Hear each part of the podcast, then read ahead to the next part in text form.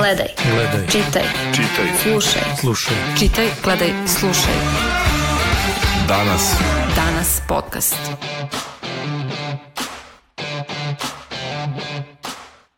Slušate novu epizodu danas ovog podcasta. Moje ime je Vladimir Maričić. Najčitaniji tekst ove nedelje na portalu Danasa bio je audio snimak razgovora Branislava Lečića i Daniela Steinfeld koji je objavio Insider. Mi smo to naravno preneli na sajtu. Kao što većina zna, glumica je optužila kolegu da je seksualno napastvovao i taj slučaj je skrenuo pažnju javnosti sa korone, barem ove nedelje. E, tema seksualnog nasilja je nekako skopčana sa današnjom temom. Govorit ćemo o seksualnom obrazovanju kao jednom od preduslova za smanjenje seksualnog nasilja, bar po mišljenju stručnjaka. Moje današnje gošće su psihološkinja Ana Vlajković i novinarka Danasa Aleksandra Popović. Povod za ovaj razgovor o seksualnom obrazovanju je i mini istraživanje koje je na tu temu Aleksandra sprovela sa čitavcima Danasa. E, evo, Aleksandra, možeš li za početak da nam kažeš do kakvih si saznanja došla prilikom te ankete? Povodi jeste zaista bilo ovaj, ono istupanje nekoliko glumica koje su pričale o svojim iskustvima seksualnog nasilja u školi glume i tada se povela diskusija u javnosti o tome da li deca treba da ovaj, imaju neku vrstu seksualnog obrazovanja i inicijativa ne znači ne je e, pokrenula onako ovaj, peticiju i dosta, dosta priča o tome da se nešto uradi po tom pitanju u obrazovnom programu, to će nam kasnije više Ana reći, pošto je sarađivala sa njima, a mi smo hteli sa našim čitocima da vidimo, ovaj, da čujemo neka njihova iskustva, prevashodno da dođemo do roditelja i do njihovih stavova, da vidimo iz njihovog ugla šta se radi u školi na, na edukaciji, da li znaju neke pozitivne primere edukacije ili možda one negativne i naša anketa je pokazala ono što smo negde i očekivali, a to je da zaista svi roditelji koji su nam se javili smatraju da seksualno obrazovanje treba da bude na neki način deo obrazovnog programa, da li kroz neki obavezan predmet ili da se provlači kroz različite predmete, što i jeste većina roditelja predlagala, da se i na časovima biologije i građanskog vaspitanja treba razgovarati o, o ovim temama, da se deca edukuju. I ono što je mene iznenadilo jeste što su nam mnogi roditelji navodili primere nekih pozitivnih dosadašnjih inicijativa, odnosno recimo nekih priručnika koji su se u školama pojavljivali sporadično predavanja koja su tematska, ali sve su to onako e, pojedinačne oaze. oaze jeste, pojedinačni slučajevi koji zavise dosta u stvari od e, samih nastavnika u školama i, i od njihovog raspoloženja, a na sistemskom nivou zaista ništa nije urađeno. I zanimljivo je što su nam se javili neki nastavnici koji su e, iznili neka svoja iskustva o tome kako su oni pokušavali da predlože školama da ovaj, uvedu neku vrstu seksualne edukacije. Znači, to nije samo priča o nasilju i uznemiravanju, već i o reproduktivnom zdravlju i tu su nam se javili lekari, jedan, jedan roditelj je baš kao lekar ovaj, i pričao za nas o tome zašto je značajno da se deca edukuju na ove teme. Ovaj, tako da nastavnici zaista prijavljuju da su pokušavali da razgovaraju, ali da su uvek nailazili na neku vrstu zida. E, neki od njih su nam rekli da, da kada su predložili inicijative u školi da se priča više na ovu temu, da su dobijali odgovore kao što je nemamo resursa, to u ovom trenutku nije moguće ili da, hoćemo, ali čekamo, ne znam, dozvolu ministarstva prosvete i slično, mislim da zaista za, za neku vrstu edukativne radionice i predavanja nije potrebna ta vrsta dozvole i to je ono što što možda treba da bude akcent ove inicijative. Naravno, mi čujemo i od ljudi koji su u prosveti sa druge strane da je jako teško napraviti recimo jedan predmet, e, napraviti ga, uvesti ga u raspored časova, da su deca već preopterećena i to možemo negde i da razumemo, naravno i roditelji razumeju, ali ono što je za njih bitno jeste da postoji neko stručan u školi ko će sa decom razgovarati o izazovima koji se, na primjer, sada pojavljaju na društvenim mrežama. Recimo, jedan roditelj nam je rekao da deca od 9 godina imaju TikTok naloge, da se devojčice tu slikaju, šminkaju i da je on zaista uplašen, jer ne zna kako da razgovara sa decom o tome. Za njih TikTok i nije toliko poznat, ne znaju kako to da ograniče deci, a plaše se jeli, da će oni tu ne ići na razne vrste manijaka ili neprimerenih komentara ponašanja i prosto ne znaju kako, kako dalje da se postave u vaspitanju svoje dece. I tu je potrebna pomoć.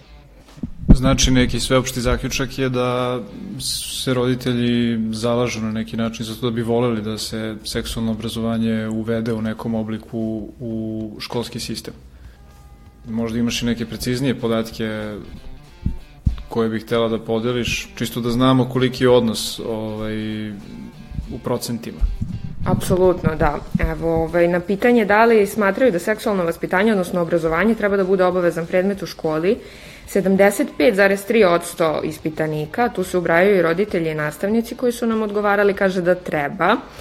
E, samo 18,2% kaže da ne treba i 6,5% nema stav. Tako da većinski zaista roditelji se zalažu za to. Ono što bi bilo možda zanimljivo, nismo ovaj, uspeli da dobijemo komentare od tih roditelja koji kažu da ne treba uvesti seksualno obrazovanje, jeste negde pitanje i zašto, mislim zašto to smatraju i šta, čega se pribojavaju i u tome verovatno leži odgovor zašto nisu ovakve inicijative ovaj, za nekom edukacijom i, i ušle u, u pro, program za, za škole. Um, evo, Ana, kad čujemo ovako, ajde da kažemo, hrabrujuće rezultate ove ankete, a, I kad se zapitam, možemo li se zapitamo ovaj, do kad će to seksualno obrazovanje da bude vruć krompir uh, za nadležne da ga uvrste na neki način u školski sistem. Jer svedoci smo da je to uh, se nekako, ajde da kažem, gura po tepih decenijama, već ne dolazi ne dolazi ovaj, na mesto na, koje bi trebalo, na kojem bi trebalo da bude. Da, e, seksualno obrazovanje nismo vruć krompir e, koji se prebacuje iz ruke u ruku ko bi to trebalo da radi, ovaj, već takođe velika tabu tema u našem društvu i to je u stvari glavni, ja mislim, razlog. Ovo nije reprezentativan uzorak, naravno, ovog ispitivanja. Ovo su bili, znači, ljudi koji su želeli da odgovore na anketu danasa. Ovaj, znači, nije uh, nešto što bismo mogli da kažemo sada, e, to je mišljenje ovaj, populacije ili većine stanovnika u Srbiji. Mislim da je situacija nažalost mnogo drugačija, barem ono iz iskustva što znamo, iz iskustva kampanje, društvene kampanje ne znači ne. Ove, e, to je e, seksualno, seksualno obrazovanje. Više volim da govorim o reproduktivnom zdravlju, prvenstveno. Izvinjavam se. E, reproduktivno zdravlje je nešto što neće izazvati, to je prva, hajde da kažem, greška. Seksualno obrazovanje kod mnogih roditelja izaziva uh, strah od toga da će uh, se govoriti o seksualnim odnosima, da će se isključivo znači bazirati na tome ili ne znam čemu da će se deca učiti i navesti da ranije stupe u seksualne odnose. Do toga više volim da se za starije uzraste da, da se govori o reproduktivnom zdravlju, gde se naravno govori i o načinima planiranja porodice, to je korišćenja kontraceptivnih sredstava, i naravno i o nasilju i o zaštiti ove od predatora koji vrebaju na internetu i sa svih drugih strana i iz najbliže okoline, znači šta su to dozvoljeni, šta su nedozvoljeni dodire. Ali to, na primjer, šta su dozvoljeni, šta nedozvoljeni dodiri, to se uči u prečkolskom uzrastu. I to je u stvari nešto gde ja mislim da nema, da nema roditelja. Ali to nije nikako seksualno obrazovanje. To je obrazovanje deteta gde se nalaze granice. Gde se nalaze granice, gde dete treba da kaže ne i gde treba da potraži pomoć roditelja ukoliko neko prelazi tu granicu intimnih zona.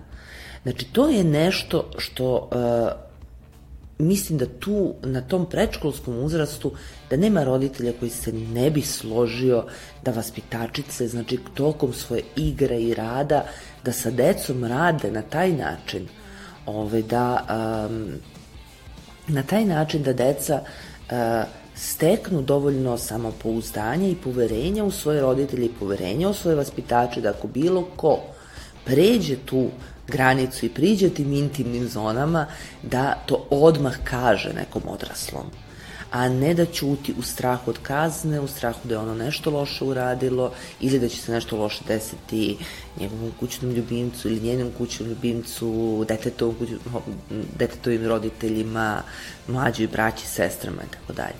Tako da mislim da je um, osnovni problem koji je kod nas nastao je što mi kaskamo za Evropom jako mnogo i onda je pokušaj uh, da odjednom uvedemo na sve, u sve nivoje obrazovanja, da uvedemo, da ga nazovemo seksualno obrazovanje. Uh, u svetu to nije išlo tako.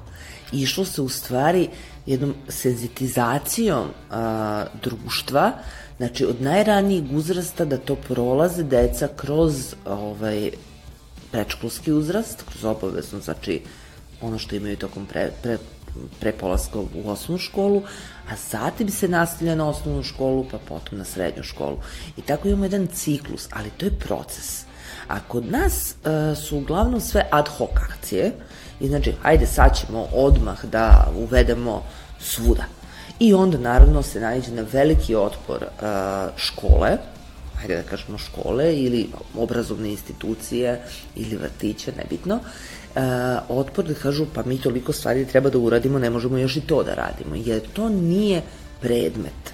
To nije nešto što, uh, to je nešto što se provlači kroz mnoge predmete, a sa druge strane je ono što ste rekli neophodno e, da postoji osoba u školi, e, osoba koja će biti, e, kao što u stranim zemljama postoje savetnici, mi imamo psihologiju u školama, imamo pedagoge, neki jesu edukovani, neki nažalost nisu edukovani, neki su protiv ove, ove vrste obrazovanja, um, kao što imamo neke lekare koji su protiv vakcinacije, znači, apsolutno, to su sada individualne razlike i lični stavovi. Ali ono što je neophodno je to da se krene od nečega. Znači, od nečega što će svima biti relativno prihvatljivo. Ali ono što je uh, imperativ je da se od najranijeg uzrasta, a to je ono što um, deca iako uče u kući, Znači da niko nepoznat ne sme da te odvede, niko nepoznat ne sme da te dira i tako dalje. Nikada im neće, e, redko koji roditelj će im reći, ako te neko poznat ko nam dolazi u kuću, neprimereno dira ili, ne, ili ti priča neprimerene stvari, pokazuje neprimerene sadržaje, ove, da nam kažeš to. Znači, dete će lakše reći ako je to neko nepoznat, a nepoznatih počinjelaca je manje od 1%. Pa mislim da je tu najveća greška u pristupu naš, naših, naše javnosti, ljudi odrast, u odrastanju, to smo to možemo da vidimo. Uvek, uvek su ti govorili javi se čiki, pruži ruku, pošalje poljubac, ne znam ni ja šta, niko nije govorio to ako te neko neprimereno dira ili pita ili ti uputi neku E, pogrešnu rečenicu da treba to da, da se suprotstaviš. Da? Naravno, i, ove, i tu je ovaj, um, slučaj škole Mike Aleksić je pokazao u stvari kolika je uh, snaga autoriteta uh, autoriteta koji je zasnovan ne znam stvarno na čemu, toliko autoriteta da roditelji uopšte nisu dovodili u pitanje uh, ono što bi svaki roditelj, kako da ja ne, ne znam šta mi dete radi, kako da ja nemam pristup uopšte da, mm, znači znam samo ono što mi dete kaže. Znači ono što uh, se dogodi u školi, to ostaje u školi. To mi liči na ono what happens in Vegas stays in Vegas. Mislim, prosto to su neke stvari koje uh, između dece i roditelja ne smeju da postoje uh, teme o kojima se ne razgovara. Htela sam da dodam baš u vezi ovoga što Ana, Ana govori o razgovoru sa decom, da je to i kroz ovu našu anketu koja naravno da nije, nije reprezentativna, tako da pitanje šta je zapravo onaj većinski stav ljudi, ali mi smo negde videli da je 47,5% roditelja kaže da razgovara sa decom na ove teme. I to je manjina, mislim, skoro pola, ali opet je pitanje šta je sa onom drugom polovinom. Da li to znači da apsolutno ne razgovaraju sa, sa svojom decom roditelji o tome šta je neprikladan dodir, šta, šta su na kraju krajeva intimni delovi tela, kako da se jednog dana postave u seksualnim odnosima I mm, mnogi roditelji su tu potpuno, potpuno zbunjeni, barem i ovi sa kojima smo razgovarali, hteli bi da pričaju, ali kao eto, na primjer baš taj primer koji sam navela u vezi društvenih mreža, mi ne znamo šta da, šta da kažemo deci, kako da ih usmeravamo, tako da nama je potrebna malo i edukacija roditelja, koja naravno ne mora biti formalna, ali upravo kroz, kroz javnost i kroz razgovor ovakvih stručnjaka, kao što Ana upravo sada nama ovaj, govori koji su neki saveti kako se treba postaviti, znači mi zaista moramo i roditelje da edukujemo kako da pristupe deci. Ne može se očekivati da škola preuzme sav nivo ovaj, sav obim obrazovanja dece i vaspitanja, a da roditelji ne rade kod kuće. I još bih samo dodala, ovaj, pošto je Ana rekla da je na predškolskom nivou jako važna ta edukacija, da smo imali zaista i neke, neke ovaj pozitivne primere, smo čuli od roditelja o edukaciji u pojedinim privatnim vrtićima je bio slučaj da su, na primjer, imali neke e, knjige koje su prilagođene zaista tom uzrastu dece i onda su vaspitači sa decom kroz te knjige objašnjavali šta su intimne zone, šta, šta su prihvatljivi dodiri, šta neko sme da im priđe. I to je jedan, jedna, ovaj, jedan pozitivan pristup, apsolutno, i pokazuje da je to moguće primeniti i šire, ali je ovde ostalo na nivou tog jednog vrtića, a šta je sa, sa onim drugim, posebno onim državnim koji su većinski. A za, zapravo, na primjer, u, u osnovnim školama nemamo uopšte ovaj, takvih, takvih nekih edukativnih materijala, tako da i to je veliki propust. Nastavit ćemo razgovor, e, predlažem sad da čujemo komentare naših čitalaca e, na baš tekstu anketi i da vidimo šta oni misle o seksualnom obrazovanju. Danas. Podcast. Pošto ovaj zostali narod protiv seksualnog obrazovanja u školama, a u porodicama sve živo tabu, deca o tome uče sa lažnih sajtova na kojima nailaze na lažne informacije, pa se posle čudite što dolazi do problema. Seksualno obrazovanje nije podsticanje dece na rano stupanje u odnose. Čini mi se po komentarima da većina ovde misli da je to u pitanju. Seksualno obrazovanje bi trebalo da bude zdrav način da se deca nauče osnovnoj anatomiji, promenama koje se dešavaju u pubertetu, kako da zaštite sebe i druge u slučaju stupanja u intimne odnose, osnovama kontracepcije, osnovama zaštite od seksualnih predatora i tako dalje.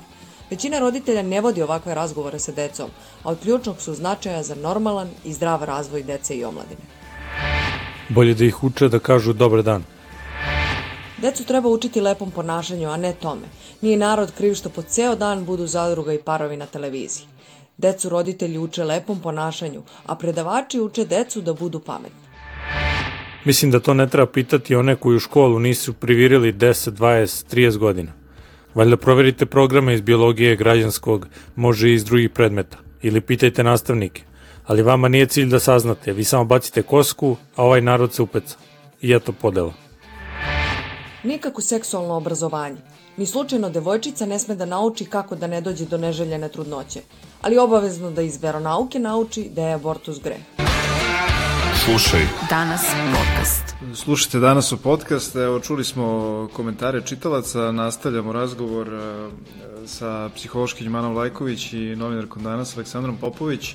Um, evo Ana, pričali smo o, o tome da bi roditelji trebalo jeli, da više razgovaraju sa, sa svojom decom. A, ti si e, pomenula da ste imali a, nekakvu edukativnu radionicu u školi u kojoj ste radili. Možeš da nam kažeš nešto više, ovaj, kakva ste iskustva imali, kakav ste feedback dobili od njih? To smo imali 2000, uh, os, 18. na, ne, 2019. na 20, ne, 2018. na 19. Ove, je bio program um, koji se ticao reproduktivnog zdravlja i u saradnji sa opštinom Vračar smo to radili u jednoj osnovnoj kao pilot program u jednoj osnovnoj jednoj srednjoj školi i a, ono što je bilo fascinantno u toku tog programa je da a, decu nisu obrazovali roditelji a, pa čak ni toliko internet koliko porno filmovi. I njihovo viđenje, mislim, to su ipak, to je uzrast od 13 godina i uzrast od 16 godina sa kojim smo mi radili, tako to je već stariji uzrast. Roditelji uh, nisu koristili čak ni ona mere koje oni, koje je najlakše sprovesti, a to je zaključiti neke kanale na televiziji. Znači, apsolutno uh, nisu promenili uh, šifre za, ovaj, nisu koristili roditeljsku kontrolu, tako da su, znači, to je u osnovnoj školi je bilo vrlo evidentno, mislim da onako su dečaci ovaj, bili tu vrlo glasni, odmah kažu šta, kao to je 1, 2, 3, 4, kao to je kao šifra, kao pa to je svima je ista, kao i to je to.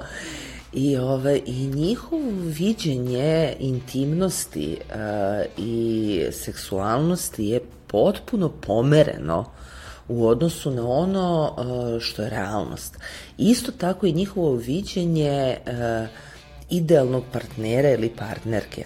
Znači, to je uh, jedna slika uh, koju, hajde da kažemo, uh, nije to više ni ona slika iz bajke, da se čeka princ e, koji će da se pojavi ne znam i oni su yes, na, na, na tim bajkama koje su odrastale. Ove, ovo je jedna generacija koja ima uzore na Instagramu uh, verovatno sad i na TikToku ovaj, gde uh, sa toliko filtera uh, svako od nas može da izmeni svoj izgled do neprepoznatljivosti. Ja sam isprobavala neke od tih filtera i, ove, i komentarisali smo ovako bih izgledala, znači ja ovako mogu da izgledam ako, ako imam jedno 150-200 hiljada eura za operacije.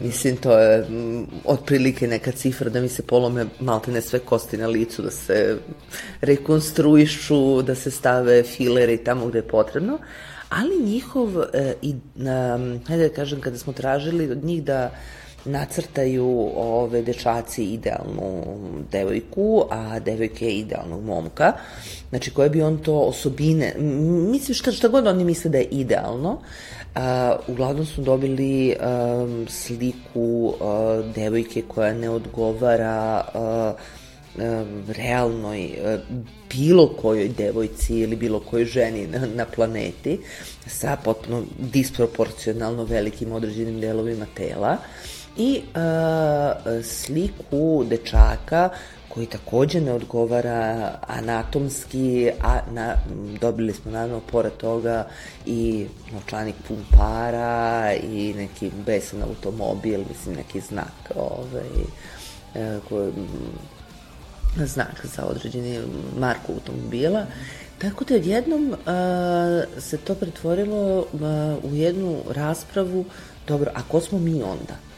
Znači, ako je ovo idealno i uh, šta mi onda tražimo? Uh, sada je u stvari problem što ima previše informacija i uh, deca i mladi su potpuno zbunjeni tom količinom informacija.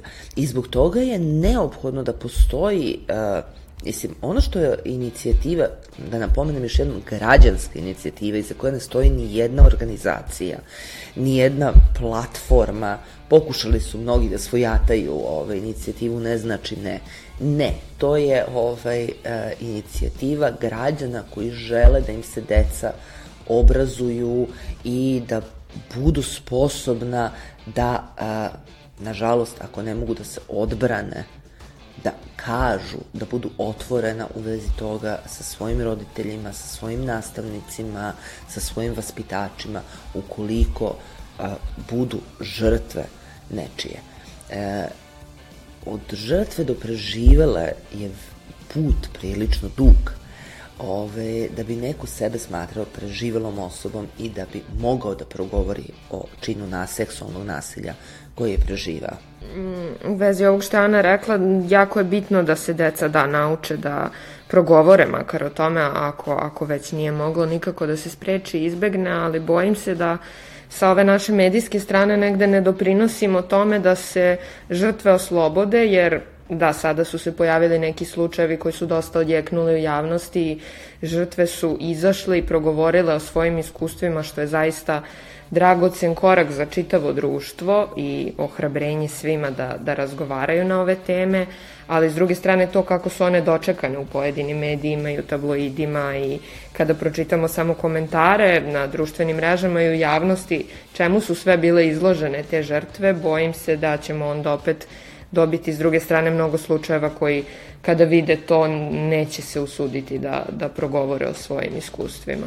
Tako da tu i mi imamo svakako odgovornost da na jedan pažljiv i senzitivan način razgovaramo o iskustvima žrtava. Vratio bih se opet samo na ovaj deo o, poplavi informacije, o tome što smo pričali, tu treba postaviti pitanje koliko su uopšte, pošto rekli smo postoji taj jaz, koliko su uopšte i roditelji danas uh, u toku sa svim tim stvarima i tu zaista treba da bude poprično angažovan roditelj i da ima da svoje slobodno vreme jeli, troši na sobstvenu edukaciju i da prati šta sve klinci rade i šta im je sve dostupno i da se aktivno uključi u, u razgovor sa detetom ili šta već. To je ovaj to sam teo da da vas pitam kako gledate na tu situaciju u savremenom svetu, gde smo svesni da ljudi realno možda i ne stižu od posla ono da se time bave.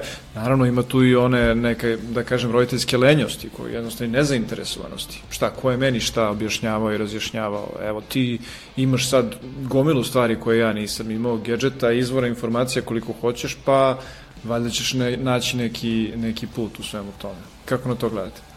Uh, ja kada sam bila mala, Ove, um, znači, mene se tražilo da uh, ako idem kod neke drugarice da se igramo i tako da kada dođem da njeni roditelji pozovu moju mamu telefonom da joj kažu gde sam. Da znači to je period osnovne škole znači da ono kao da se uvek zna, da se zna tačno vreme, da budem u blizini kuće ako se igram, da ako sam u parku, da uvek bude neko stariji ko vodi računa o nama. Znači, nije bilo, ove, sada su to zamenile roditeljske kontrole na mrežama. E, roditelji koji su bili zainteresovani za svoju decu, znači taj neki procenat roditelji koji je veliki, naravno, ovaj koji je zainteresovan za to šta mu dete radi, je, bili su zainteresovani roditelji i pre 40 godina. Uh, i pre 30 godina i danas su zainteresovani i uh, tu se uopšte znači ne postavlja pitanje danas Nije samo danas situacija da ljudi rade dva posla, da samohrani roditelji nemaju vremena i tako dalje. Ja sam odrasla sa majkom koja je uvek radila dva ili tri posla, uh, znači sama bila i ovaj, i uvek je, ja ne znam na koji način, ali uvek bila u toku sa svime što se događa, od toga, znači, e, znala je pre nego što ja dođem kući šta sam ja u školi dobila, koju ocenu, osnovno i naravno, ali znači, bila je e, uključena u potpunosti u ono što se meni događa, znači događa se dečih rođena, ne, ne stignem da je prepričam, ona već zna šta se dogodilo. Tako da, e, postojele komunikacije i među roditeljima i jedna povezanost, jer je to bilo u stvari uh, Viber grupa, da, Viber, grupa, grupa jest, to je bila Viber grupa roditelja, s tim što je bilo uh, da su se oni lično nalazili i razmenjivali informacije. Uh, ovde sada mi se čini da je uh, toliko pomeren fokus samo na školsko postignuće, uh, da roditelji uh, i na van nastavne aktivnosti Znači, niko nas nije ni terao, niti nas vodio na šest sportova, tri strana jezika, ne znam, futbal, balet e, ili šta, kla, šta da. god, mislim. A, već ako želiš i ako imaš dovoljno godina, ovaj, ićeš sam.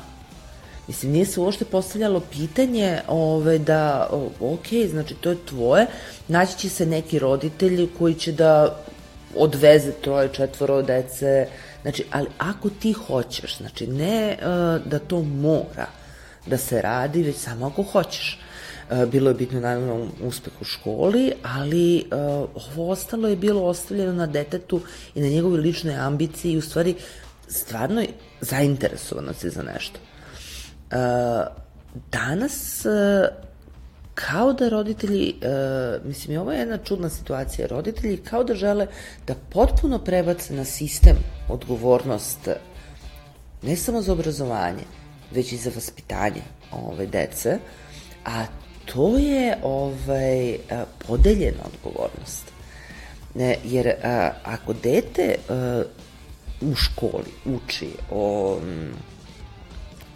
o vakcinama, o, o kako su pobeđene bolesti, kako je preživeo ljudski rod, kako su iskorenjene, ne znam, velike boginje koje su pretile da zbrišu čovečanstvo. A, I onda dođu u kuću, znači ovo je potpuno analogija, i dođu u kuću u kojoj je to ili zabranjena tema ili gde se govori potpuno suprotno. Na, to je potpuno isto kao sa seksualnim obrazovanjem. Znači, dete koje želi da podeli nešto sa roditeljima što je naučilo u školi, što je čulo, znači što se tiče planiranja porodice ili tako, a u kući ga učutkaju i kažu mu da je to greh i da se to ne radi i uh, u stvari da jedino neka više sila odlučuje o tome uh, kada će imati dete i tako dalje. To prosto ne može da funkcioniše. Aleksandar, htjela si ti nešto da, da kažeš? Pa samo bih ja to negde ovde i, i zaključila možda na osnovu ovoga što je Ana rekla da ne možemo sve svaliti na obrazovni sistem, a opet negde s druge strane treba i roditeljima da pružimo neku vrstu podrške i e, prilike za edukaciju, barem za one koji to žele, a opet i, i za one koji možda ne žele i nisu toliko otvoreni da se uključe, da, da razgovaraju sa decom o ovakvim temama, mislim da bi trebalo makar im približiti zašto je to važno. Pa neki pomak valjda tu možemo da očekujemo u narednim godinama. Ovo svakako nije nešto što može da se reši u godinu dana ili nešto malo, malo duže. Hvala Aleksandra, hvala Ana na divnom razgovoru. U sledećoj epizodi podcasta slušajte moju koleginicu Selanu Kosorić i njene goste. Gledaj. Gledaj. Čitaj. Čitaj. Slušaj. Slušaj. Čitaj, gledaj, slušaj. Danas. Danas podcast.